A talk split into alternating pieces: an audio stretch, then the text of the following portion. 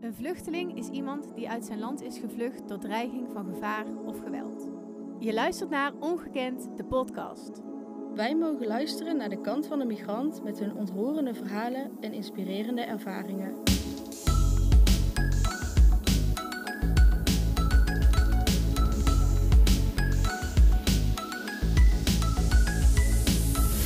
Met vandaag Afshin Elian. Leeftijd. Ongepaste vraag, maar toch geantwoord. 56. Iran of Nederland? Nederpers. Dit mist u het meest uit Iran. Kaspische Zee.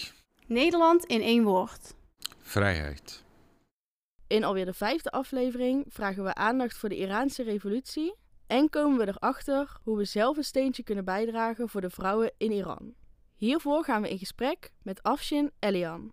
Hij is hoogleraar op de Universiteit van Leiden en zelf politiek vluchteling uit Iran. De Iraanse revolutie gaat hem dus aan het hart. Aan de hand van zijn publicatie Een nieuw commentaar op de grondwet vertelt hij over de belangrijkste aspecten van integratie. Wij, Milou en Mout, spreken meneer Elian vandaag over de huidige protesten in Iran, zijn eigen vluchtverhaal en zijn visie op migratie en integratie. Nou, meneer Elian, welkom. Fijn dat we hier mogen zijn vandaag. Wat een eer. Dank voor deze uitnodiging. Zeker. Uh, we hebben natuurlijk veel over u gehoord en gevonden en gelezen. En daar willen we u over bevragen vandaag. En u zei eigenlijk meteen bij binnenkomst: Nou, we gaan het niet te veel hebben over mij, maar over iets of iemand anders. Zeker. Uh, ik vind het zelf ook heel raar om over mezelf te praten. Er zijn 85 miljoen mensen van het land waar ik vandaan kom, zijn nu aan het protesteren. Vandaag is 16e Azar, de dag van de studenten. Al ruim 50 jaar is uh, 16e Azar de dag van de studenten. Ze protesteren overal.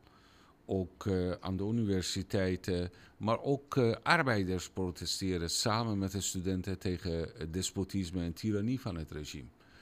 Kijk, we moeten niet vergeten, op dit moment, volgens de schatting van Amnesty International, 18.000 mensen zijn gearresteerd sinds 2,5 maand geleden. Sinds de tragische, gewelddadige dood van Mahsa Amini. Nou, 18.000. 70% van die 18.000 arrestanten zijn onder 22. Het zijn allemaal jonge mensen. Het zijn, het zijn vrouwen zoals jullie, die, die strijden om niet verplicht te worden om hijab te ja. dragen. Belangrijk. Dat we zeggen voldoen aan kledingsvoorschriften van het regime. Of muziek luisteren, of gaan zingen. We zingen, vrouwen mogen niet zingen in dat land. Of bijvoorbeeld gewoon op straat iemand te kunnen omhelzen. Daarvoor strijden ze hier in Iran. Ze strijden voor gelijkheidsbeginsel. Ze strijden voor vrijheid van meningsuiting, godsdienstvrijheid. Dat je niet wordt gedwongen om ergens in te geloven. Je kunt ook niet geloven. Dat is ook een onderdeel van godsdienstvrijheid. Komt dat heel vaak voor dat die studenten ook protesteren of is dat eigenlijk echt speciaal voor deze dag? Nee, studenten vormen eigenlijk altijd kloppende hart van maatschappelijke bewegingen in Iran. Ook ten tijde van vorige regime, uh, regime van Shah. Ook studenten in die tijd liepen voorop. Maar deze keer is het anders begonnen. Protesten begonnen juist door scholieren en door heel veel vrouwen die ook niet aan de universiteit studeren. En ze begonnen hun, hun hoofddoeken te verbranden als symbool van zeg maar, opgelegde kledingstuk. Uh, en daarna, langzamerhand, al uh, eerste weken in uh, september, uh, gingen studenten ook mee demonstreren. En dan werd het een complete, complete zeg maar, revolutie. Men noemt het ook revolutie. Bijvoorbeeld gisteren nacht riepen jongeren in Teheran... noem dit niet meer protest, dit is een revolutie. Want als we naar de afgelopen tientallen jaren kijken van de historie van Iran, dan zien we eigenlijk die golven komen ja. en gaan, hè? zo om de drie à vier jaar. Waarom is dat nu misschien anders? De hele mooie en hele belangrijke vraag. Waarom is deze keer anders? Kijk, in 2009, groene beweging kwam tot stand, grote demonstraties, maar ja. ook mislukte na twee weken of zo. Kijk, dit is een nieuwe generatie. Deze generatie is in het islamitische regime zelf opgevoed, opgeleid door de Ayatollah zelf. Ja. Is dat iets wat ook belangrijk voor u is? Focust u vooral in uw passie op jonge generaties? Zeker, dat is heel belangrijk. Want uiteindelijk uh, klinkt cliché, maar de toekomst is van jonge generatie. Mm -hmm. deze, eh, deze generatie heeft veel meegemaakt, heeft veel gezien. En juist omdat ze hebben gezien dat afgelopen 42 jaar elke sociale beweging mislukte, zij geloven niet meer dat je kunt via hervormingen iets voor elkaar krijgen binnen dat regime. Dus hervorminggezinde bewegingen geloven ze niet meer. Wat je krijgt is, onmiddellijk beginnen ze met protesten. Onmiddellijk beginnen ze ook meest harde leuzes uitroepen. Wat je vaak denkt aan het eind van een, uh, van een cirkel van bewegingen. Hè? Als het tot hoogtepunt komt, dan ga je zeggen weg met de dictator. Ze zijn onervaren eigenlijk dan. Nou, misschien zijn ze op een bepaalde wijze heel erg ervaren. Dat ze hebben van hun ouders gehoord. Stel je voor dat je vader had deelgenomen aan demonstraties van 15 jaar geleden. Dan hoor je van hem dat het helemaal niet werkt. Het stemmen werkt niet, want verkiezingen zijn niet vrij. En je moet heel hard zijn tegen die mensen. Tweede reden, eerlijk gezegd, is, en dat is uniek, niet alleen voor Iran, maar misschien voor de geschiedenis van de mensheid. De leiders van deze revolutie zijn vrouwen. Vrouwen leiden deze revolutie. Dit is uniek in de geschiedenis van de mensheid. Welke, welke land, welke revolutie, Franse revolutie waren mannen. Hè? Denk aan Robespierre, Danton, Russische revolutie, Bolsjewieken, allemaal uh, die mannen, uh, Castro. Dit is de eerste keer dat een revolutie is voor democratie, niet voor een totalitaire ideologie. Ze willen geen religie in plaats van islam nog een andere religie vestigen. Ze willen ook niet een ideologie vestigen. Eigenlijk ze strijden gewoon voor de uh, verklaring van de rechten van de mens van de VN. Is dat de kern van dit verzet? Is dat het allerbelangrijkste element? Die vrouwenrechten? Ik, ik, ik denk dat dit niet alleen het allerbelangrijkste element is, maar het is de kern van alle gebeurtenissen daar. Waarom? Uh, de uh, vrouwenleider, de werkelijke vrouwenleider van Iran heet Masih Alinejad. Ja. Zij heeft afgelopen 10, 15 jaar constant acties gevoerd.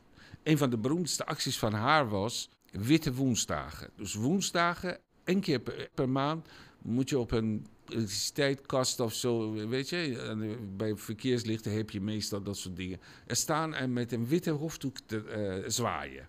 Dat is ah. nog best wel vreedzaam. Heel vreedzaam, maar bijvoorbeeld een van die, van die vrouwen die daar dat deed, kreeg 18 jaar gevangenisstraf en ja. weer 80 zweepslagen.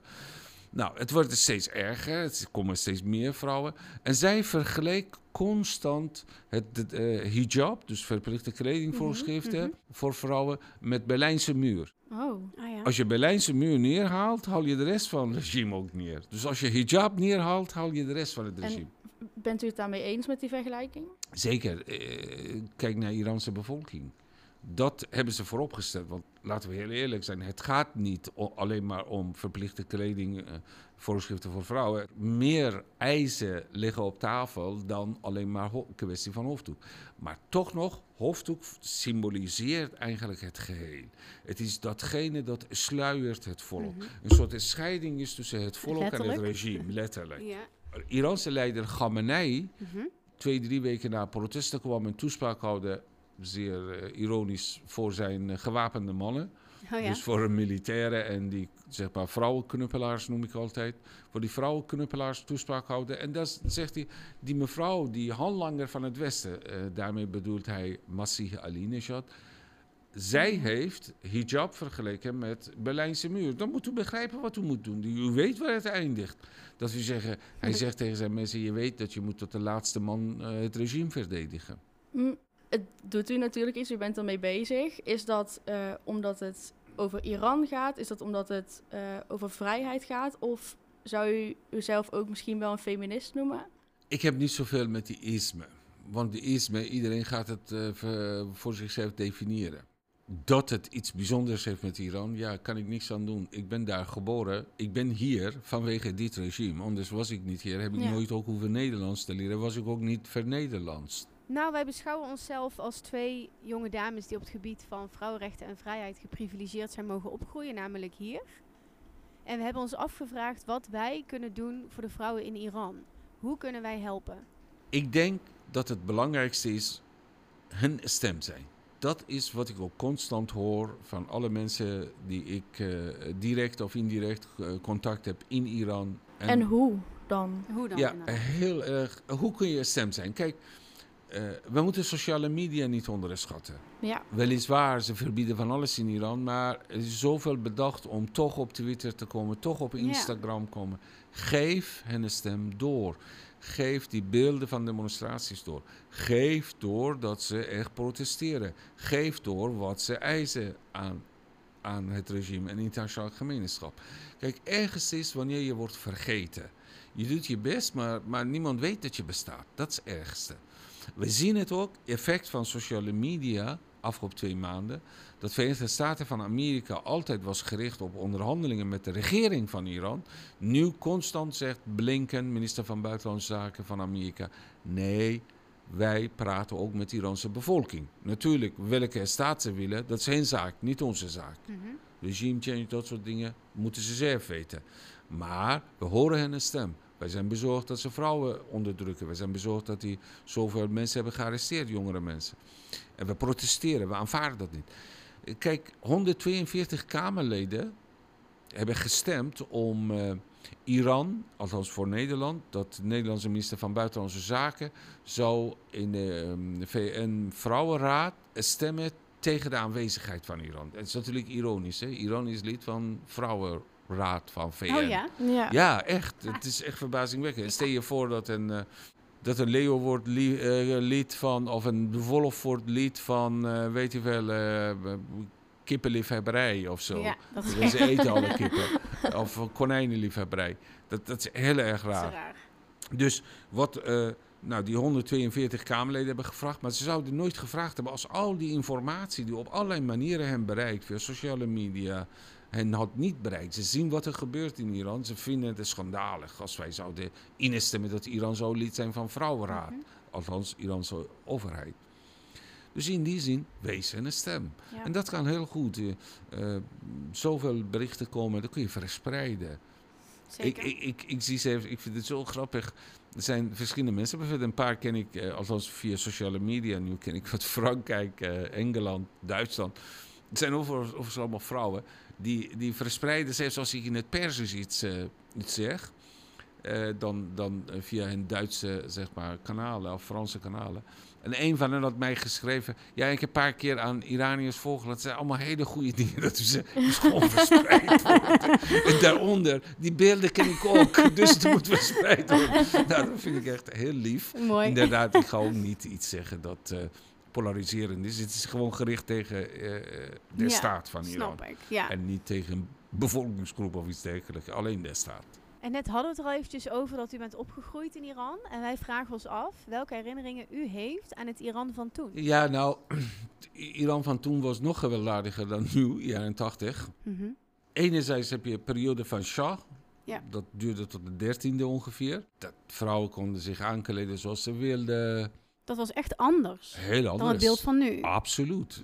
Aanzienlijk vrijer dan nu. In vergelijking met het regime dat later wordt gevestigd, ja, Mhm. kun je zeggen, een vrij land was. Zeker Daarom voor heel veel mensen, ook, ja, maar, maar ook voor jongeren, Mhm. eh, maar ook uiteindelijk voor politieke partijen. Je moet je voorstellen, volgens, eh, volgens alle cijfers, gedurende 25 jaar heerschappij van Shah, iets van 2400 tegenstanders zijn omgekomen, dus inclusief de Iraanse revolutie.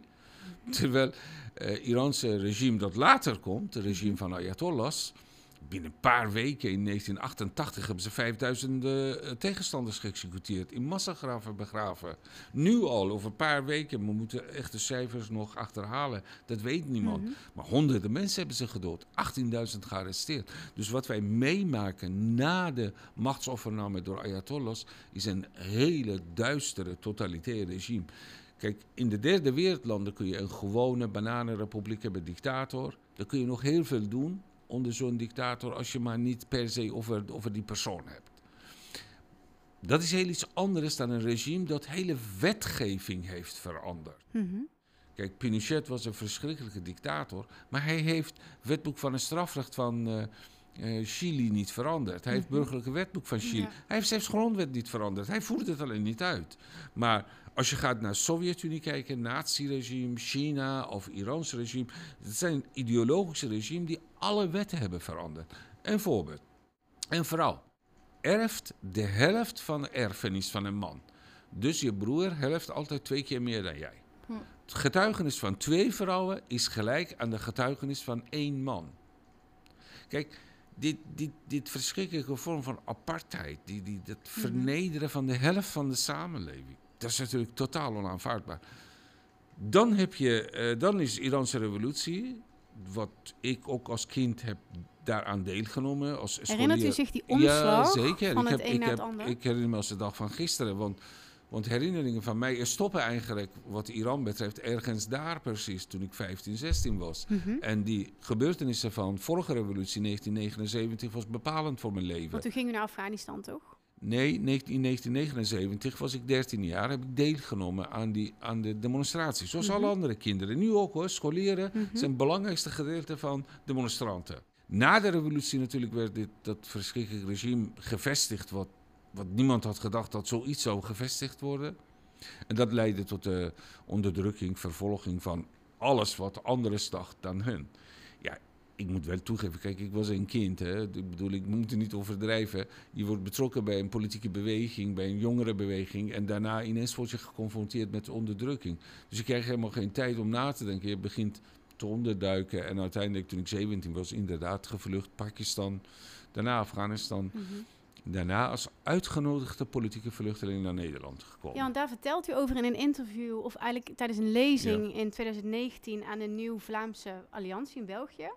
En dan vertelt u dat u gebracht bent van Kabul naar Nederland. En Ja. u legt de nadruk op gebracht. Ja. En ook dat u vertelt dat dat, eh, wat u betreft, eh, mag vallen onder gecontroleerde migratie. En dat het ook het systeem van vluchten zou moeten worden. Dat u dat vindt. Waarom vindt u dat? Ja, omdat, eh, kijk, wat het nu in de wereld is ontstaan is iets heel vreemds. Is heel vreemds. Namelijk georganiseerde misdaad, mensensmokkelaars, mensenha- eh, mensenhandelaren. Die, Mhm. Die hebben een business opgebouwd op verplaatsen van mensen. Met alle gevolgen van die voor die mensen. Mhm. Hoeveel vrouwen zijn in prostitutie tegengekomen in Noord-Afrika? Vooral Libië. Ja. Het is meest onmenselijke toestand. En hoeveel mensen komen om het leven eh, op zeeën eh, tussen, tussen Noord-Afrika en Europa. Mhm. En ook mensonterende toestanden gewoon. Ja. Ik vind het, je hebt verschillende soorten migratie. Eerst is politieke, eh, categorie politieke vluchtelingen. Die zijn niet zoveel mensen, anders de wereld was al lang veranderd. Dat was u zelf wel, hè? Ja, zeker. Ja. Die mensen kunnen gewoon aankloppen bij Verenigde Naties of ambassades. Mhm. Natuurlijk in je eigen land kun je niet waarschijnlijk, maar in omringende landen. IND moet niet hier kantoor hebben, maar aan onze ambassades. En daar moet je gewoon, eh, daar moet je gewoon verzoek indienen. En daar langzamerhand moet alles behandeld worden. En daar kun je ook een tijdelijke bescherming krijgen in het land dat je bent. Dat bijvoorbeeld Turkije of Pakistan je niet uitzet. Op grond van eh, VN-vluchtelingenverdrag. dus je kunt ook UNHCR bij betrekken. Maar goed, dat zijn kleine categorieën, geef ik toe. Dat gaat Mhm. niet echt een hele grote. Ja. Tweede grote categorie zijn oorlogsontheemden. Dat Ja. zijn heel veel, dat zijn miljoenen mensen. Mhm. Die, die kun je niet zomaar verplaatsen naar een ander continent. Houd dan verantwoordelijkheid van het Westen op op het moment dat je zegt, we moeten daar goed worden opgevangen? Nee, dan moet je het niet alleen laten goed opvangen, dus financieel bijdragen, maar ook die staten onder druk zetten dat ze moeten dat doen. Dan moet je soms ook eh, militairen sturen om die plekken te bewaken. Bijvoorbeeld in het kader van Verenigde Naties. Blauwe helmen sturen. En moet je ook IND-vertegenwoordiger daar sturen. Soms heb je mensen die mm, medische, medische behandeling nodig hebben. Dan kun je verplaatsen zelf. Soms heb je mensen die, bijvoorbeeld jongeren, die heel talentvol zijn en die kunnen studeren. Kun je ook verplaatsen. Laat ze studeren. Als u naar uw eigen verhaal kijkt, had u het dan liever gehad dat u gewoon daar had kunnen blijven wonen in goede omstandigheden? Ik, eh, kijk, eh, eh, laten we heel eerlijk zijn. Toen ik vier- 17 was, had ik nooit gedacht dat ik zou in Nederland komen of een ander land. Ja. Niets voor niets gingen we naar Pakistan of Afghanistan. Een deel van mensen, mijn leeftijdsgenoten in die tijd, die vluchten gingen naar eh, eh, Koerdistan, via Koerdistan naar Irak. Mhm.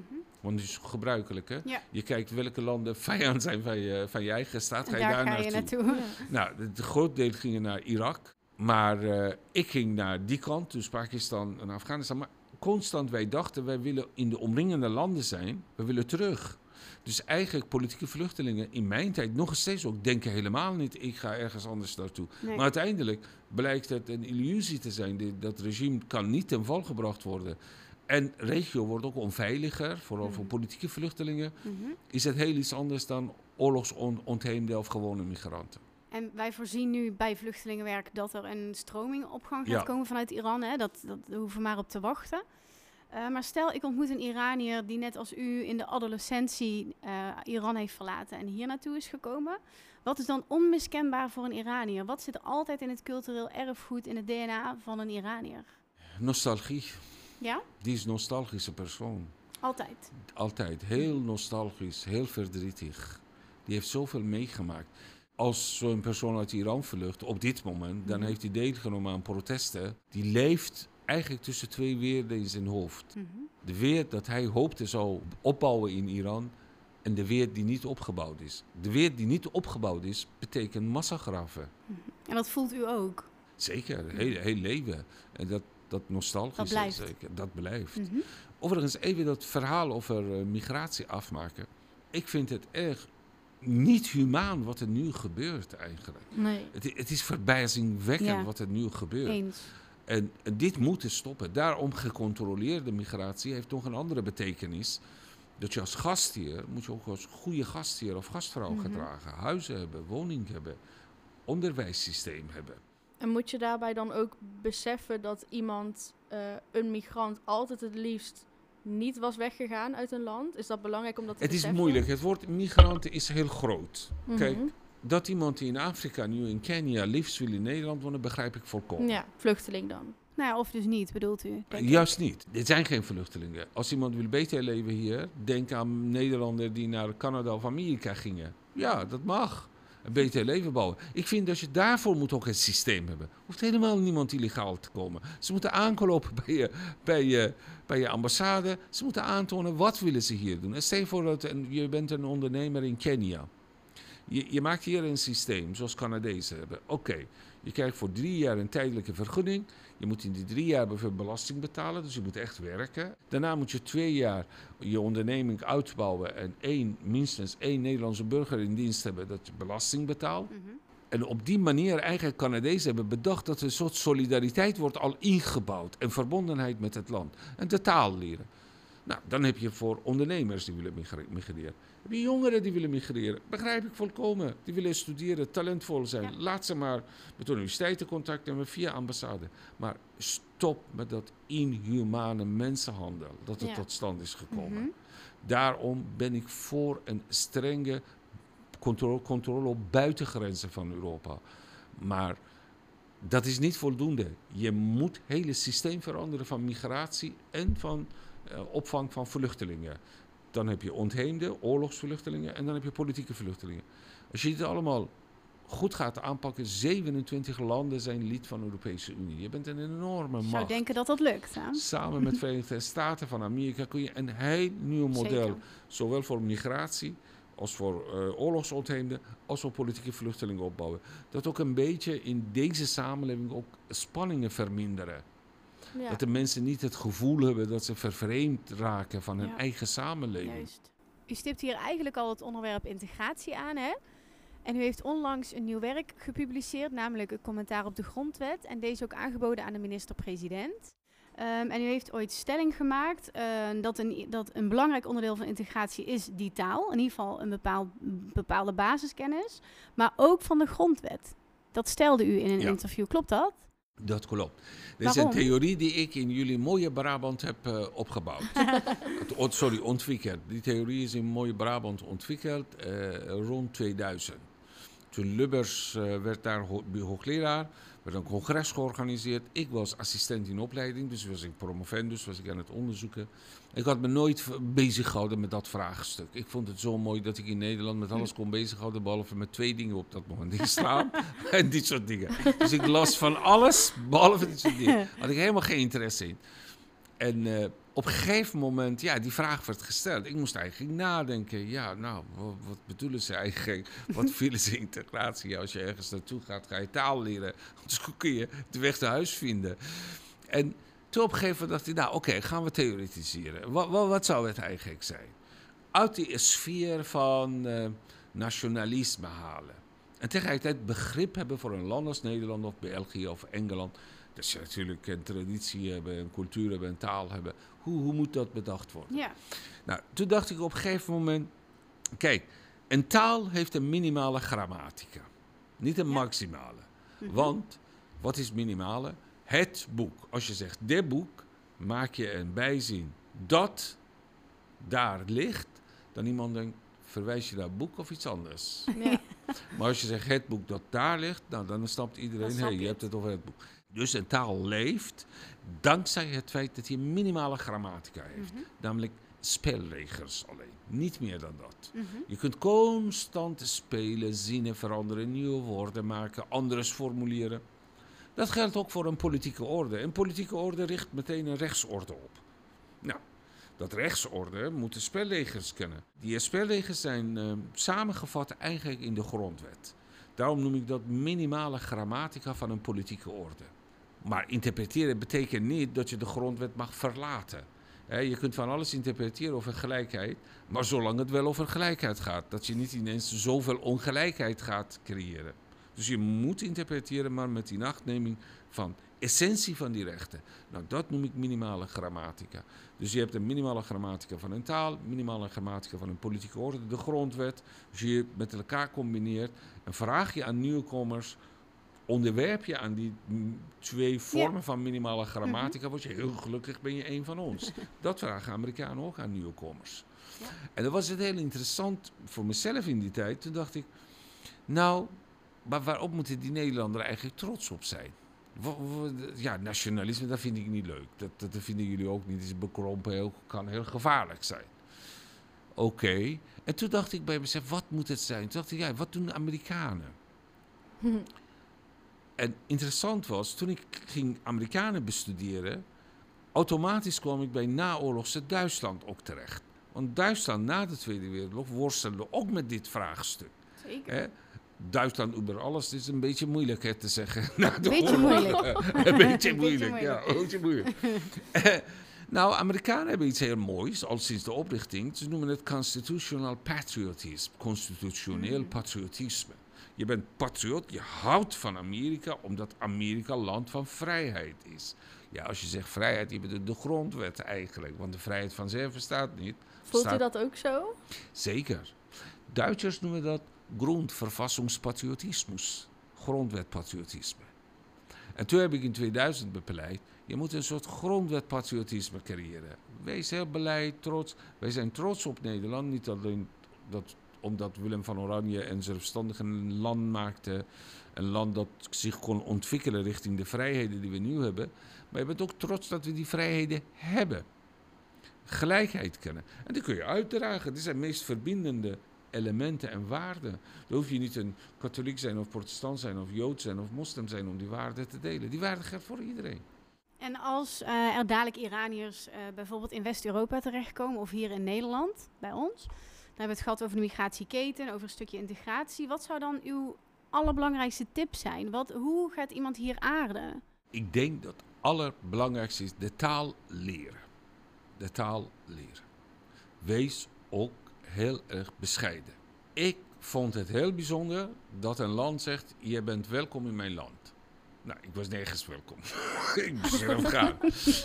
ik vond het heel apart. Ze vinden het goed dat ik kom. Ze nodigen mij uit. Ze brengen mij letterlijk hier. Dit raakte mijn ziel diep tot de dag van vandaag. Nu nog steeds, hè? Kunnen Zeker, we zien, hè?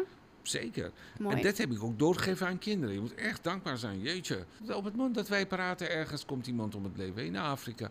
Omdat hij, omdat hij naar een ander land wil of omdat hij meer rechten wil en zo. We hebben twee kinderen. Een zoon en een dochter. En kleinkinderen hoorde ik ook in een Ja, interview. vanochtend kwam hij en eh, moest ik eh, haar even met haar spelen, praten, praatje maken. Moest. Want, ja, nee, want ik had tien minuten tijd en ik moest haar bezighouden omdat er een werkman was die wilde ook boren.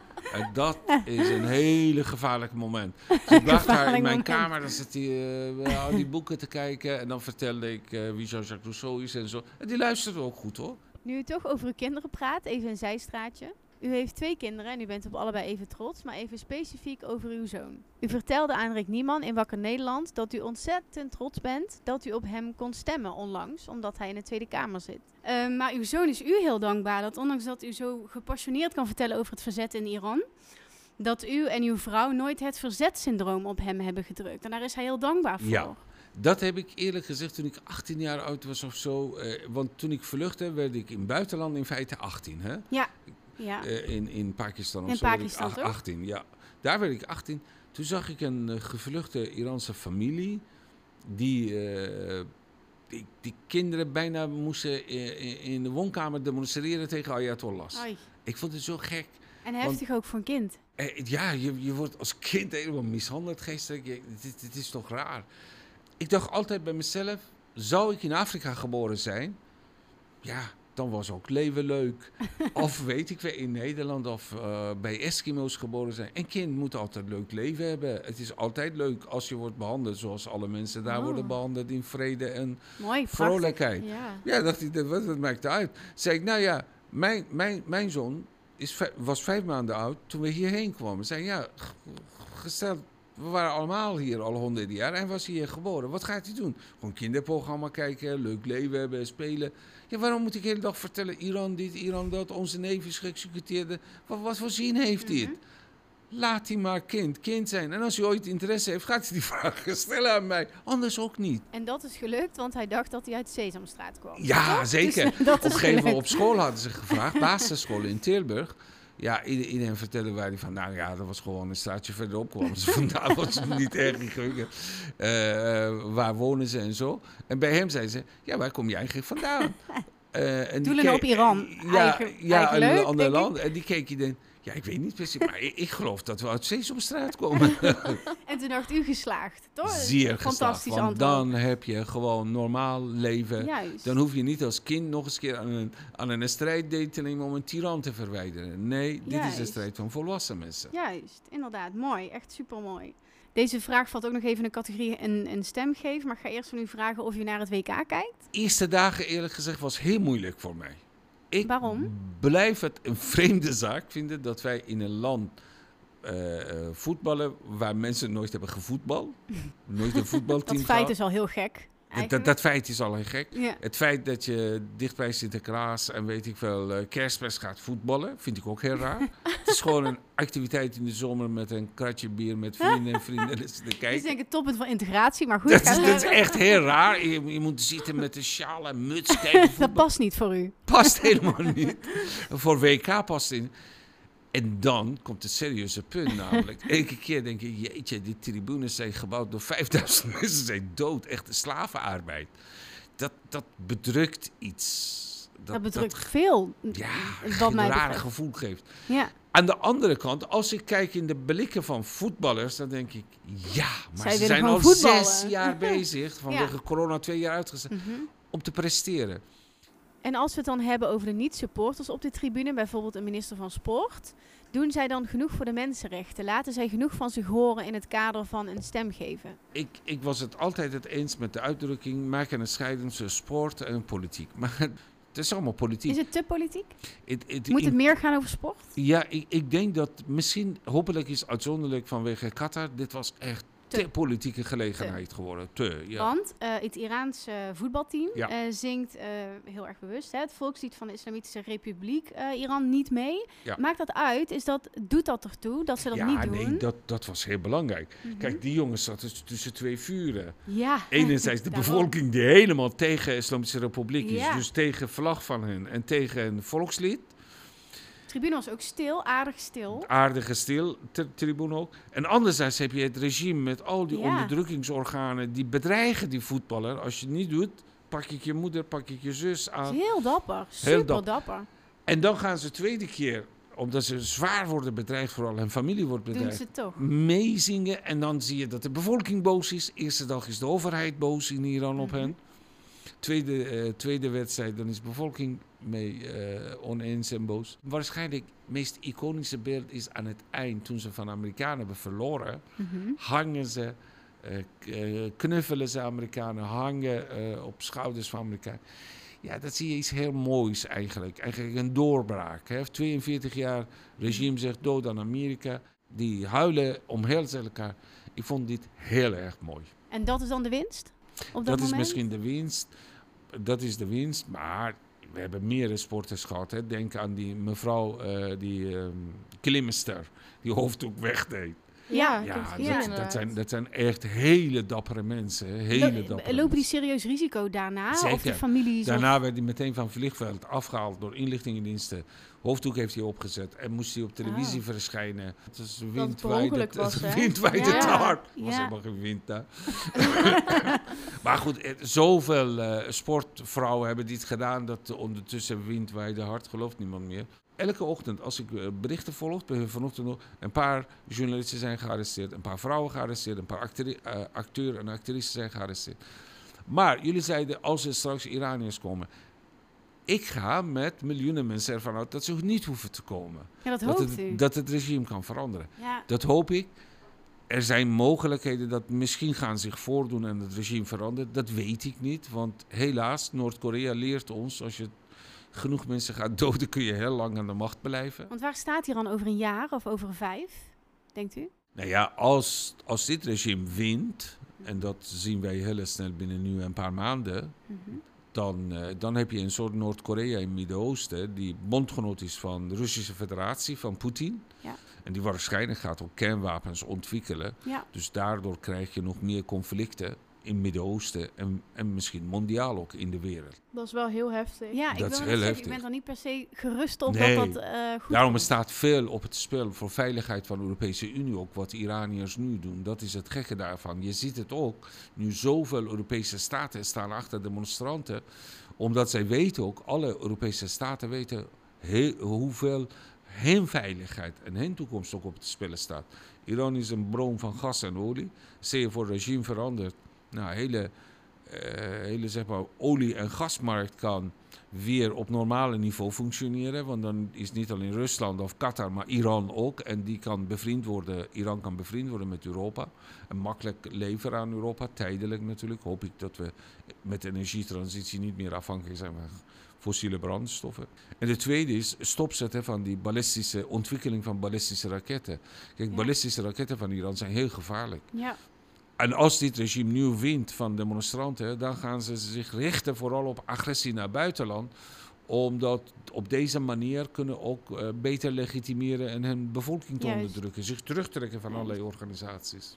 heel even kort over bier drinken. U drinkt graag bier ook? Ja, toch? zeker. Zo af en toe. Ehm, en uw eh, dochter had als kind een vriendinnetje in de straat. Eh, en ze speelde met een, met een meisje van een islamitisch gezin. Althans, totdat eh, de moeder hoorde dat u bier dronk. Ja. Toen, toen was dat gauw voorbij. Vond u ja, heel gek nou, eigenlijk, dat hè? was mijn eerste, eh, eerste ontmoeting met multiculturele samenleving. Dat is heel gek. Ik woonde in een wijk waar eh, van alles en nog wat woonde. Maar ik had nooit gemerkt dat dit apart is. Omdat ik bezig was met mijn boeken en met mijn klasgenoten en studenten. En die dame. Weet je, met die studenten s'nachts fietsen naar een café terug. Ja, ik was helemaal niet bezig met die mensen die daar woonden. Ik begroette iedereen. Ik gewoon een vrolijke jongen. Wat, wat heb ik nou voor of tegen mensen? Niks. Maar eh, ze speelden samen. Op het dag zeiden ja, ik mag niet meer daar spelen. dat was heel raar. Dus mijn vrouw ging vragen, ja, waarom Wat goed trouwens wel dat ze dat doet. ja, dat heeft hij gewoon eerlijk Ja, verteld. Was hij vijf goed. jaar oud of zo. Dus eh, mijn vrouw ging vragen aan, aan die mevrouw. eh, en die zei: Ja, nee, ik heb eh, uw man gezien met kratje bier. Dat is echt niet goed voor opvoeding van kinderen. En eh, ik weet niet precies, ik meen met te herinneren. Mijn vrouw zei: Ja, oh, niet heb je niet gezien dat hij ook wodka drinkt. Zeg. Oké, tot ziens. Toen, toen wij het, toen meen ik zoiets had gezegd, toen wij thuis na te denken, zei ik tegen mijn vrouw: "Tje, als zij over ons toch, wij kunnen hen beter begrijpen dan alle andere mensen. Zo denken, hoe denken ze over Rit en Piet en Jan? zei die, ja, hoe gaat het de toekomst zullen zijn? Ja. Ja, dat is heel gevaarlijk. Eigenlijk vanaf dat moment was ik geschrokken. Toen dacht ik, hè? Weet je wat het gek is hiervan? Ze krijgen allemaal kinderbijslag. Ook als je heel erg gelovige moslim bent. En kinderbijslag is een onderdeel van het belastingssysteem van ons. Waarop wordt belasting gegeven? Op varkensvlees, op hash, Mhm.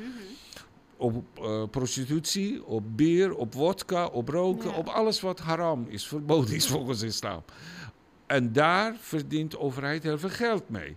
En dat geld wordt weer herverdeeld, heet bijvoorbeeld in dit geval ehm, kinderbijslag. Dan moet je dat ook weigeren. Kijk, die ultra-orthodoxe Ja. Joden, bijvoorbeeld in eh, Antwerpen. Mhm. Ze wonen gewoon in een wijk. Ze hebben geen contact met andere mensen. Ze wonen altijd onderling. Ze krijgen geen kinderbijslag, geen uitkering. Het is allemaal niet kosher, willen ze niet. Ik mis hier de eerlijkheid. Ja, De eerlijkheid gebiedt je. Je woont in een land die niet door islam wordt geregeerd. Het is een seculier land. Ook niet door katholieke kerk, ook niet door protestanten. Als je in dit land woont, ja, dan moet je gewoon je neutraal opstellen tegenover andere mensen. En als je wil heel erg religieus zijn, dan moet je helemaal afsluiten. Moet je ook niet stemmen. zelfvoorzienend zijn. Eigenlijk ook met heel veel SGP-families in Nederland. Mhm. Ik heb als docent gefunctioneerd, in, eh, lesgegeven in Amsterdam aan UvA, strafrecht. Ja, ik had ook van die kinderen die uit de SGP-families kwamen. Die emancipeerden of die wilden anders leven in Amsterdam. En dat kon allemaal. Niemand van hen is mishandeld of is zwaar bedreigd of zo. Eh, En ik denk dat de voorwaarde voor zo'n relaxed omgang is dat je grondwet respecteert. Dat je aanvaardt, dit is geen islamitische land. En je kinderen zullen geen toekomst hebben als ze op deze manier gaan ze anderen afwijzen en tegelijkertijd veel claimen. Daar begint het probleem. Mhm. Anderen afwijzen mag je doen, maar prijs daarvoor moet je betalen. Jezelf isoleren van anderen. Maar anderen afwijzen en dan veel claimen, dat Hm. levert fricties en botsingen. Ja, dat is wrang. We zitten bijna door onze tijd. Is er iets wat... Wij hebben daar nog een allerlaatste vraag voor u. Maar is er iets wat u nog naar voren wil brengen? Hebben zijn we iets vergeten? Ja, drie woorden. Zan, zendegi, azadi. Vrouw, leven, vrijheid. Mooi. Daar- Voor moeten we gaan. Dat was Farsi, hopen we.